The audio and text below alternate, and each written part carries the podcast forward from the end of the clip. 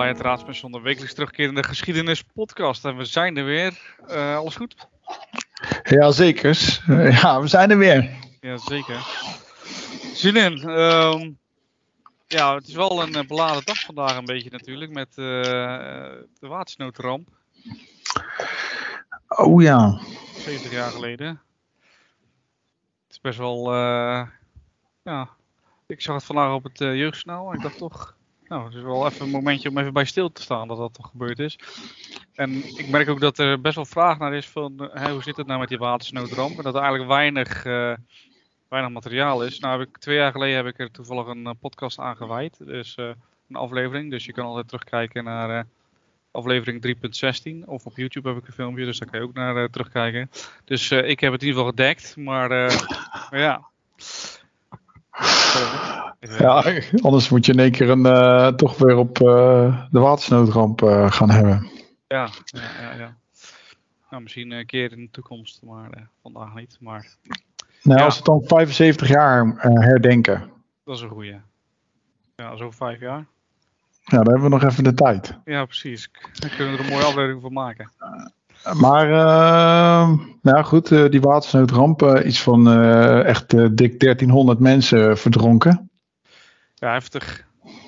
Toch? Grootste, een van de grootste natuurrampen in Europa de afgelopen tijd. Ja. Maar daarna hebben ze het ook wel heel groots aangepakt om te voorkomen dat, dat dat nog eens een keer zou gaan gebeuren. Ja, ja met de delta werken natuurlijk. Uh, maar ja, ik heb wel begrepen dat het gaat dan specifiek om de Oosterscheldekering. Dat er toch wel wat achterstallig onderhoud uh, is aan die, aan, aan, die dam, zeg maar. Uh, ja. Uh, mijn vriendin is communicatieadviseur bij het ministerie van Infrastructuur en Waterstaat. En die is hier dagelijks mee bezig. Maar ik weet wel dat dit een ontzettend belangrijk onderwerp is, wat ook echt wel de aandacht heeft. In combinatie met uh, ja, het eindeloze gevecht tegen het water. Van zowel vanuit zee, met de zeespiegelstijging, als het, het regenwater wat door de rivieren weer naar de zee stroomt. En ja, dat is wel iets waar. ik, dat realiseerde ik me ook niet, maar daar zijn dus gewoon echt dagelijks uh, duizenden mensen mee bezig om uh, van Rijkswaterstaat en van het ministerie uh, en van de waterschappen om ervoor te zorgen dat wij gewoon op dit unieke stukje nee, ja, land, dat het ook gewoon land blijft. ja, precies. Ja.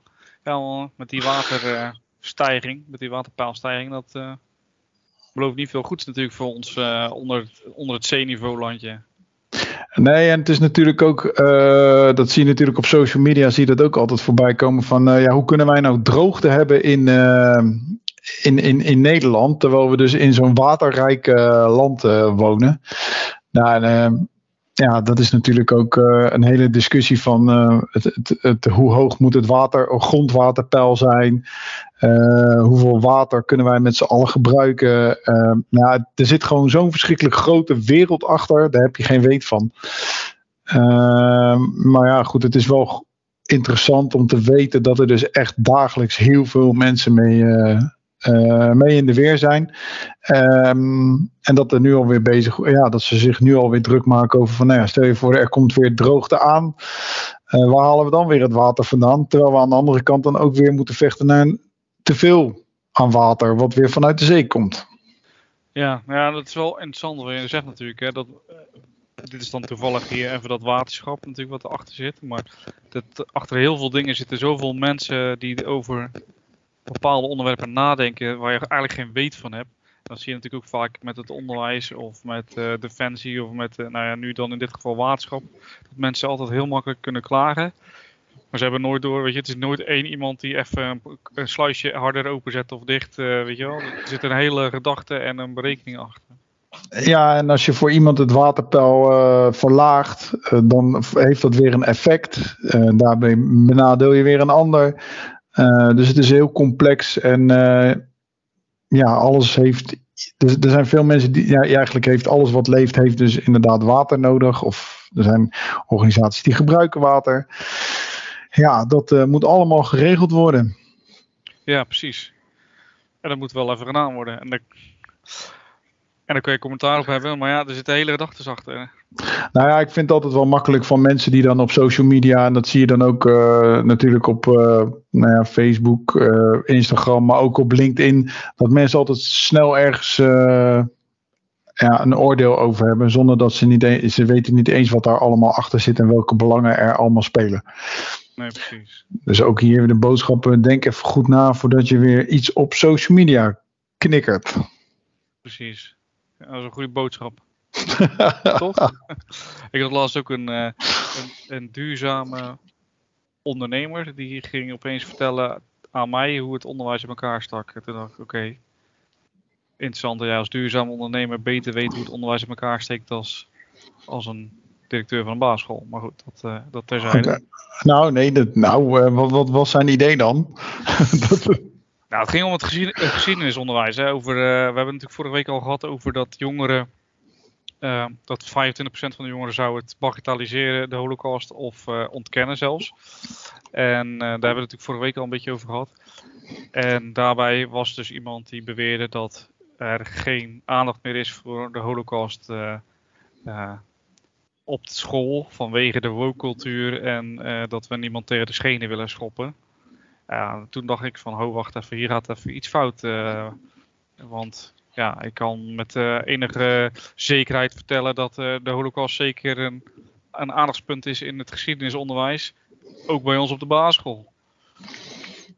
Ja, dan denk ik toch bij mezelf van hoe kan, hoe kan jij als duurzame ondernemer, hè, met alle respect voor wat jij doet, mij gaan vertellen, die in het onderwijs zit, hoe mijn onderwijs schuime vorm wordt gegeven. En wat daar fout dan is. Ja, ja, eh, je vindt weer ergens iets van en dan uh, moet je dat uh, weer ergens aan iemand gaan ventileren. Nou, in dit geval aan jou, uh, Paul, directeur basisschool. ja, bijzonder. Blijf bijzonder. Dus, maar wat heb je, ja, je hebt me wel gezegd dat het, het zit dus wel wezenlijk anders in elkaar. Ik heb het gewoon rustig geprobeerd uit te leggen. Van, joh, weet je, ik weet vrij zeker dat wij heel veel aandacht besteden aan dit onderwerp in, door verschillende leerjaren heen. Dus ja, weet je, dit is wat het is.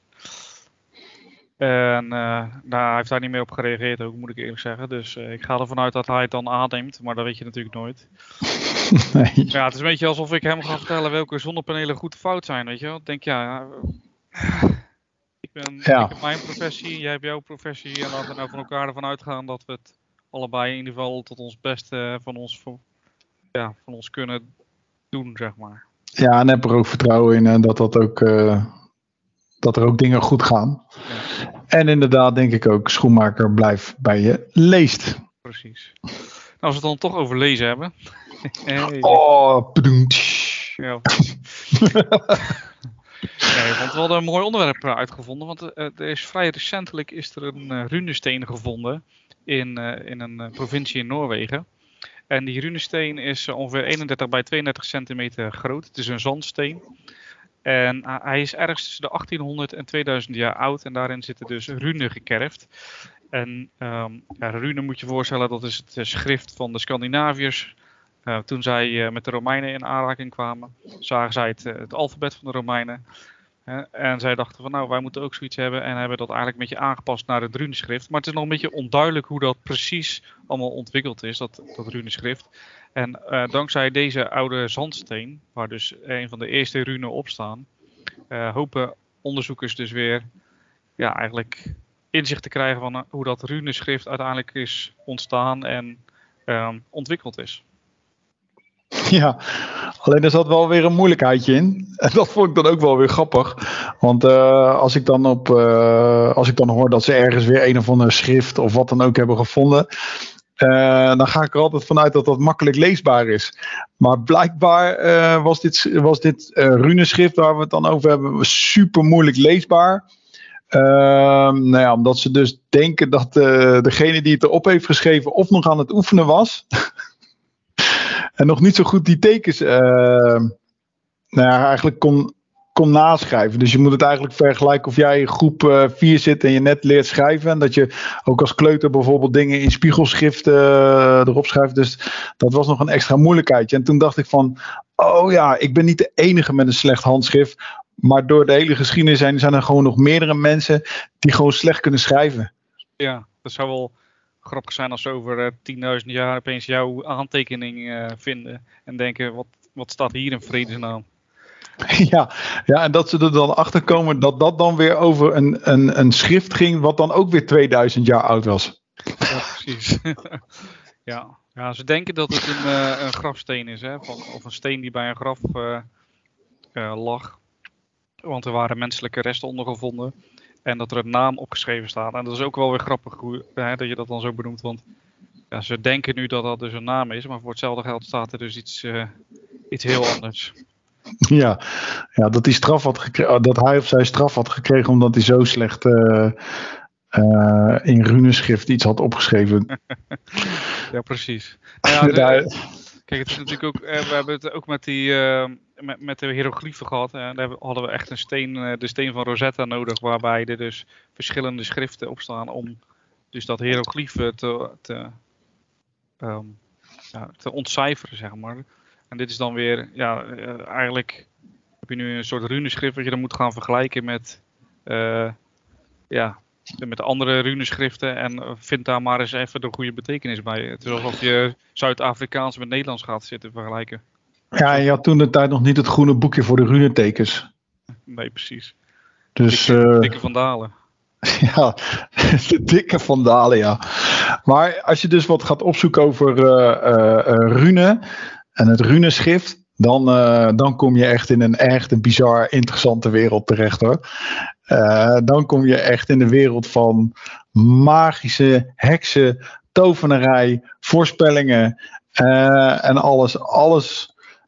Ik zie dan echt druides voor me die, die dingen gaan doen. het is echt bizar. Maar toen dacht ik, ja, hoe kan het dan dat we in ieder geval zoveel geheimen of voorspellingen aan, aan die runes hechten. Um, dus ik ben er even ingedoken. Dat is misschien leuk voor de luisteraar, want dan hoeft u dat zelf niet te doen. En dan hoeft u ook niet naar zo'n New Age winkeltje om runestenen te kopen. Maar in ieder geval, rune betekent in het oud-hoogduits geheim of fluisteren. En in het oud-Nederlands, want de runetekens die kwamen zelfs tot in, in Friesland, betekent dat geheim overleg. Nou jongens, en als er alweer geheim bij staat, dan is het natuurlijk iets magisch, iets mysterieus, iets, iets ja, ik wil niet zeggen, dan, dan is het natuurlijk geheimzinnig, iets magisch, iets, iets tovenaarachtig. Uh. En uh, ja, dat vind ik dan wel interessant, want uh, zoals wij een alfabet hebben, dat elke letter heeft een, heeft een, is eigenlijk een klank. Nou, met die letters kan je dus woorden maken. En die woorden hebben een betekenis.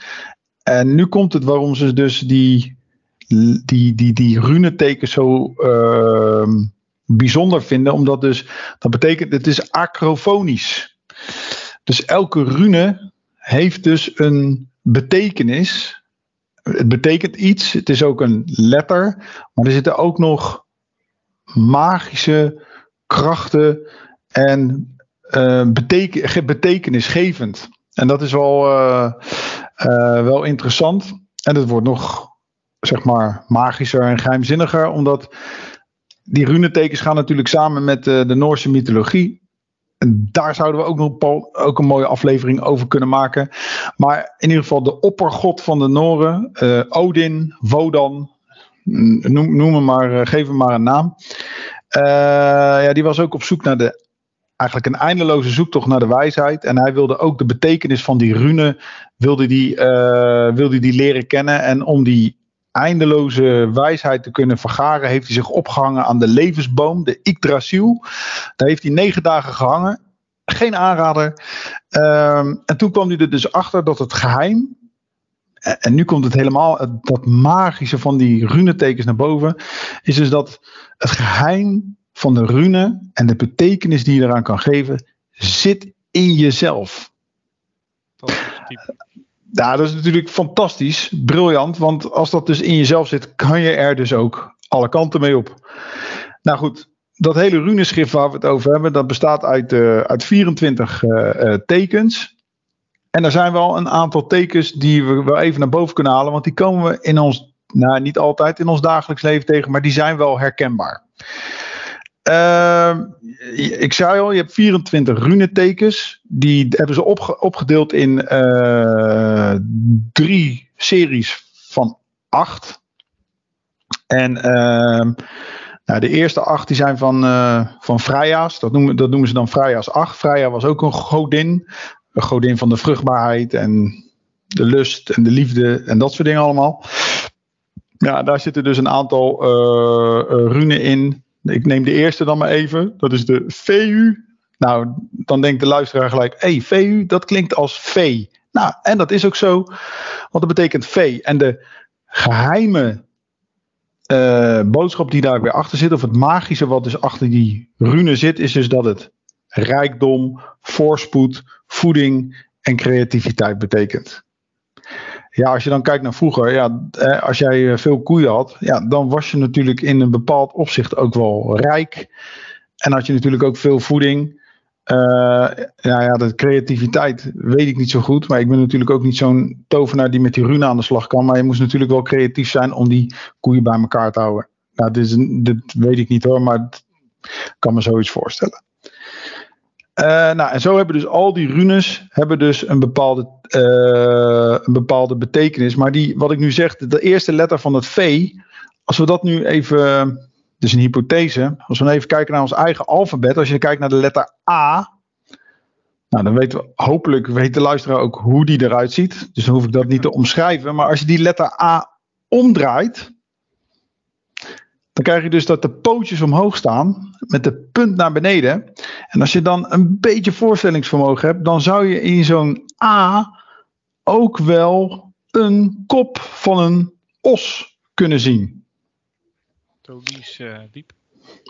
Ja, denk daar maar. Het is een hypothese, dus ik zeg niet dat het waar is. Maar in ieder geval, als je er wat meer gaat kijken naar. Oké, waarom hebben wij alfabet? Waarom hebben wij taal? Waarom hebben wij schrift?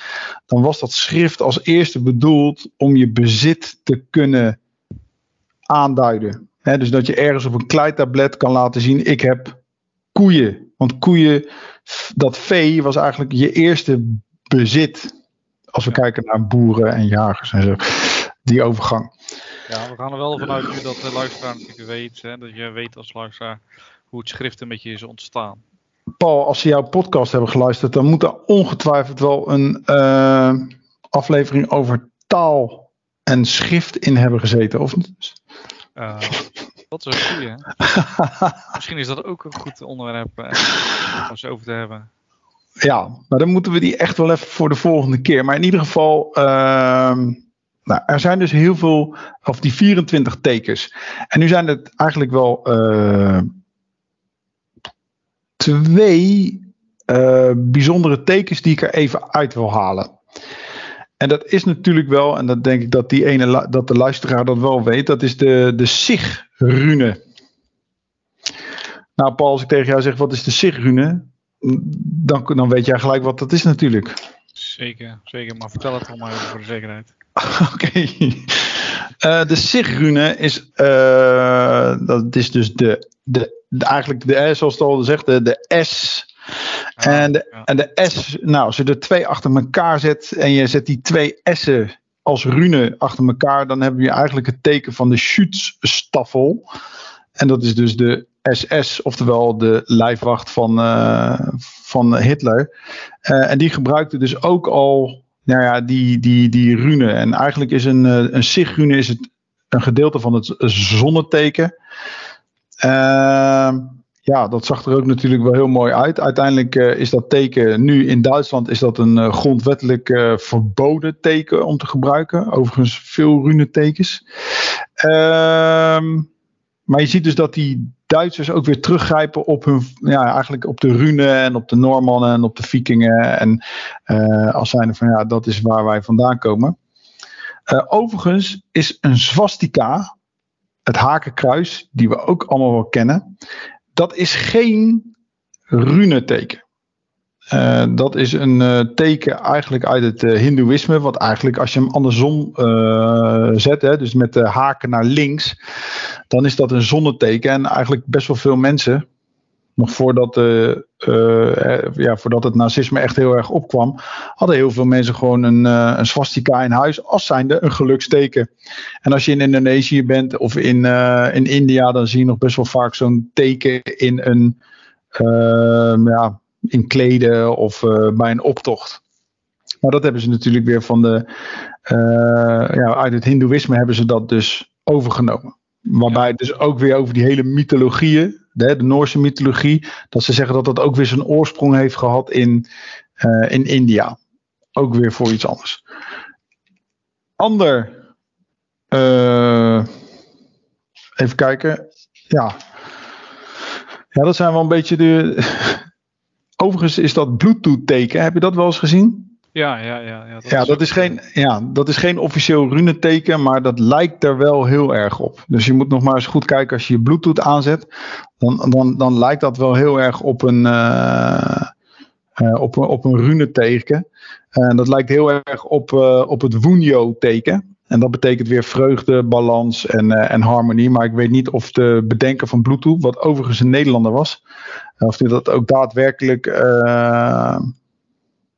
zo heeft bedoeld. Maar volgens mij is het gewoon echt een, uh, een B. Zie je dan ook, hè? Nee, de, het Bluetooth-teken is uh, gebaseerd eigenlijk op Harold Blauwtand. En Harold Blauwtand is wel een Scandinavië, Denemarken, koning van Denemarken. een van de eerste koningen van Denemarken. En die Nederlander die hij benoemt, die had, die had het die zat net een boek te lezen over die Harold, uh, Harald Blauwtand.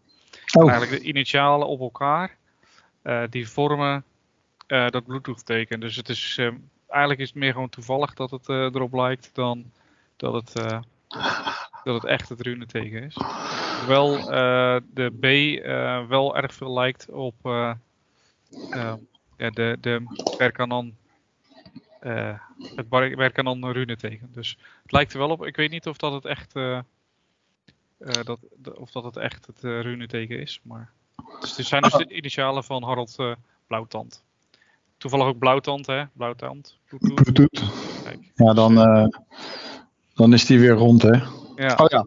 ja, er is nog wel één runeteken die ik er wel uit uh, wil halen. En daar, dat, wij Nederlanders zijn er niet zoveel uh, mee bekend. Uh, dan wil ik toch eventjes ja, naar het leger. Als je dus. Uh, uh, in het leger hebben de. Ja, goed, heb je rangonderscheidingstekens. En uh, rangonderscheidingstekens. Nou, in het Nederlands leger hebben we dat een beetje van de Fransen hebben we dat. Uh, ja, nou ja, niet, ja, beter, weet je, ik vind altijd beter goed gejat dan slecht zelf verzonnen. Maar in ieder geval dan werken we met strepen en met balken en met, uh, met sterren. Nou, hè, ben je soldaat, dan heb je zo'n, ja, eigenlijk van die strepen, chevrons noemen ze dat. Zo'n knikje zit daar dan in. Uh, rood of geel. Ben je onderofficier, dan heb je een gouden streep of een, een zilveren streep. Nou, enzovoort, enzovoort. Dat je dan, en als je officier wordt, dan krijg, ga je met sterren ga je werken. Nou, hartstikke mooi. In Duitsland is dat net even iets anders. Uh, ook daar zie je dat ze weer teruggrijpen op die runetekens. Uh, wat ik net zei, hè, onderofficier, dat zijn meestal uh, wat oudere, ervaren mannen. geven leiding aan een groep. Zijn ook de mensen die de instructie, die de kennis overdragen. En dat is wel grappig, want dan heb je dus namelijk in Duitsland, als je dan bijvoorbeeld veldwebel bent, dat is dan het equivalent van een sergeant. Die heeft dan ook een ander teken. En dat is gewoon exact een runeteken. En dat is dus de Otlahan. En de Otlahan, uh, dat kan betekenen bezitting of erfenis. Uh, en die rune staat dus voor voorouders en erfenis. En erfenis, ja, dat is dus eigenlijk de, de, de eigenlijk is dus het, teken van de, de, de man of vrouw, in dit geval kan ook allebei, uh, met de ervaring, met de kennis die hij of zij weer kan overdragen aan officieren of aan soldaten, corporaals. Dus als je een keer een Duitse onderofficier ziet en je ziet inderdaad zo'n wiebertje met twee van die pootjes eronder, de Otlahan, dan, uh, dan weet je dat daar de oorsprong uh, van ligt. Dat het eigenlijk een soort, uh, ja, de, de, de voorouder, de, de man met de kennis. Nou, bizar hè? ja. ja. Het is wel mooi dat je dan natuurlijk zo teruggrijpt. Ook al heb je eigenlijk natuurlijk ja, is het historisch eigenlijk wel. Uh, je, grijpt natuurlijk vaak terug op het verleden met een hoop dingen. Waar je eigenlijk niet echt een claim op kan hebben, aangezien dat het gewoon totaal andere mensen waren en, uh, en gebruiken. Maar het is wel uh, grappig. Ja, en dat we er dus toch heden ten dagen wel. Dat, nou ja, niet, niet, niet in hele grote mate, maar dat er nog wel, dat je het nog wel ergens in onze cultuur, in dan de Noordse cultuur, uh, vooral dan in Duitsland en Noord-Nederland, Denemarken en de Scandinavische landen, dat, daar hoort Denemarken ook bij, uh, dat dat dan toch nog wel uh, terug kan vinden. Ja, precies. Mooi. Toch? Ik vind het nou, ik, ik vind het fascinerend. Maar ik, wat ik nog meer fascinerender vind, is dat dat nu ook helemaal ja, door die ja, ze zegt een beetje onerbiedig, maar echt door die zwevers wordt gebruikt. Hè? En, en dat wordt nu helemaal nieuw leven ingeblazen doordat dus, ja, dan gaan we helemaal verder, is natuurlijk dat Tolkien, dat hij het boek in de ban van de ring schreef, ook een hele eigen taal heeft ontwikkeld, die ook weer gebaseerd is op die runetekens. Uh, dat, dat, ja goed, het lijkt er natuurlijk heel veel op. Want ook Tolkien dacht natuurlijk van ja, beter uh, goed gejat dan slecht zelf verzonnen. Maar die heeft er natuurlijk uh, een eigen taaltje van gemaakt. En sterker nog, die eigen taal noemen we dan natuurlijk ook de Tolkien-rune. Kijk. Ja, maar want je zei net, uh, aan welke boom had Odin zich gehangen, zich gehangen ook weer? De Yggdrasil. Ja, ik, ik ben zelf uh, best wel fan van de, van de games van uh, Blizzard. En uh, daarin zit ook Warcraft. Mm -hmm. En daar heb je ook echt heel veel van de, die, die, die namen en benamingen komen ook heel veel terug in dat spel bijvoorbeeld. Dat is eigenlijk met Star Trek ook bijvoorbeeld. Hè? Als je naar Star Trek kijkt, en, dan heb je de, de, de Romulans. En die hebben dan de broedervolk, de, de. En dat zijn dan Romulus en Remus eigenlijk. Ja, dat is uh, super grappig dat dat... Uh, ja, is eigenlijk goed gejat, slecht... Uh, nee, slecht... nee, goed gejat is beter dan slecht verzonnen, zeg maar. Die, die categorie. Dus wel vet dat dat... ja, als, als geschiedenisdocent en, en toen in de opleiding... ging ik dat soort dingen echt herkennen. En dat was ook, vond ik echt leuk om, om te zien. Dus misschien ook wel een leuke af, aflevering om games te analyseren op op historische verwijzingen. Maar dan kun je wel uh, 600 afleveringen maken, denk ik. Nou ja, goed. Uh, niemand heeft tegen ons gezegd dat we na deze aflevering moesten stoppen, toch? Nee, dat maar, is waar. Maar wat ik, Paul, je zegt nu wel echt iets heel belangrijks. Want ik vind dat dat maakt het leven wel een stuk rijker. Weet je, als je dus dingen gaat herkennen van hé. Hey, en dan kom je er ook achter dat uh, eigenlijk is alles al een keer verzonnen, joh. Ja. Nou, dat is misschien iets heel anders, maar dat is bijvoorbeeld met liedjes. Denk ik heel vaak een gegeven moment moeten toch alle liedjes wel een keer gemaakt zijn, zeg maar. Alle tooncombinaties. Uh, toch? Ja. Dan. Dat is ook, ik herken ook vaak wel uh, gedeeltes van liedjes uit liedjes van vroeger of zo. Ja, jij bent een Queen-fan, toch? Ik ben zeker een Queen-fan. Ja. Uh, was laatst op de radio over. God, wie heeft nou dat Eurovisie Songfestival gewonnen? Eh, een Nederlander. Uh, Duncan Lawrence. En die heeft nu laatst een nieuw lied geschreven. En uh, dat was s'avonds op de radio. En uh, toen was die, die DJ, ik vond het echt super knap. En die zei van, nou weet je, dit liedje is precies dezelfde melodie en toon als uh, Bohemian Rhapsody van Queen. En toen lieten ze tegelijkertijd lieten ze uh, dat liedje van die Duncan Lawrence met die piano en dat uh, um, Bohemian Rhapsody lieten luisteren. En dat was gewoon echt één op één. Dat je echt het gewoon in dezelfde maat, in dezelfde toonsoort, in hetzelfde, echt twee verschillende liedjes, maar toch, ja, toch zit daar een, een, een, een gelijkenis zit daarin. Dat was gewoon echt zo bizar. Ja, bizar. Maar goed, alles is al een keer. Ja, precies. Alles is al een keer uh, gemaakt. Ja, en dan, ja, jij zegt uh, met, uh, met games, maar uh, je moet maar eens met films gaan kijken. Ja, dan, ja, het is eigenlijk helemaal niet leuk om dat te doen. Want als je daar gaat analyseren van hoe dus die verhalen zijn opgebouwd. en als je dat gaat vergelijken met verhalen die door de Grieken en de Romeinen zijn verteld uit die Noorse mythe, of uit de Griekse, Romeinse mythologische verhalen, Bijbelverhalen en de Noorse mythologie erbij Ja, jongen, dan is het allemaal een keer verteld. Ja, het is allemaal één, één pot nat eigenlijk. Soms lijkt het wel of iemand gewoon eh, allemaal verhalen heeft verzonnen en die hebben ze allemaal op één hoop gegooid en eh, hebben ze gewoon een beetje gehusteld en dan oh eh, ja deze gooien we bij de, de Bijbel en dan kopiëren we ook even naar daarheen en daarheen. Het is, allemaal één pot nat joh. Ja, maar weet je wat is? Kijk, dat is mijn hypothese. Al die verhalen, die zijn, die, die zijn ooit een keer beleefd door, eh, door mensen. Die zijn een keer opgetekend, net zoals dus inderdaad eh, eh, de, de, in, de, in de rune of in, de Roma, in het Latijn of weet ik veel wat. En dat, die zijn gewoon allemaal verzameld. En dat zijn gewoon, die, verzam, en die, die verhalen zijn allemaal verzameld. Dat is een verhalenbundel geworden en die hebben we gedeeld met anderen om elkaar te informeren of elkaar te helpen of elkaar te behoeden voor, voor kwaad. Omdat al die verhalen die erin staan, die zijn ooit een keer door mensen beleefd. Ja. Ja, inderdaad. Ik weet niet hoor, ik zie altijd best wel veel overeenkomsten met eh, de helden die ik dan eh, in mijn eh, films of series zie. Ja, ja, ja, ja, ja. Ja, weet je, maar het is, het is natuurlijk ook niet gek, want het is natuurlijk echt iets van. Die helden die hebben natuurlijk allemaal iets van, van waar je je in herkent, weet je wel. Voor mij hebben we het er wel eens eerder over gehad. Dat dat eh, een goed personage maakt of niet, als je jezelf erin herkent. En dat is natuurlijk met elk verhaal zo.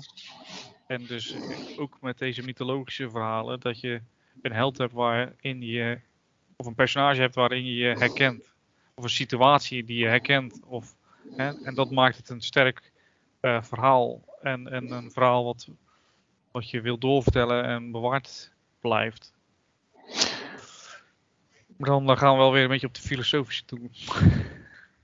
Ja, nou ja, net zoals, eh, zoals Odin eh, zei eh, toen hij aan de boom dacht van oké, het geheim van de rune, van de taal, van de dingen die je beleeft, het zit allemaal in jezelf. Precies. Wat een goede afsluiting Oh. Ongelooflijk. Ik denk dat de luisteraar echt denkt, jee, die gasten zijn niet goed, joh. Maar, eh, nou ja, goed, je mag, je, ja, dat, eh, je- mag het zelf bepalen met die runetekens. Precies. En dat is het mooie ervan. Precies.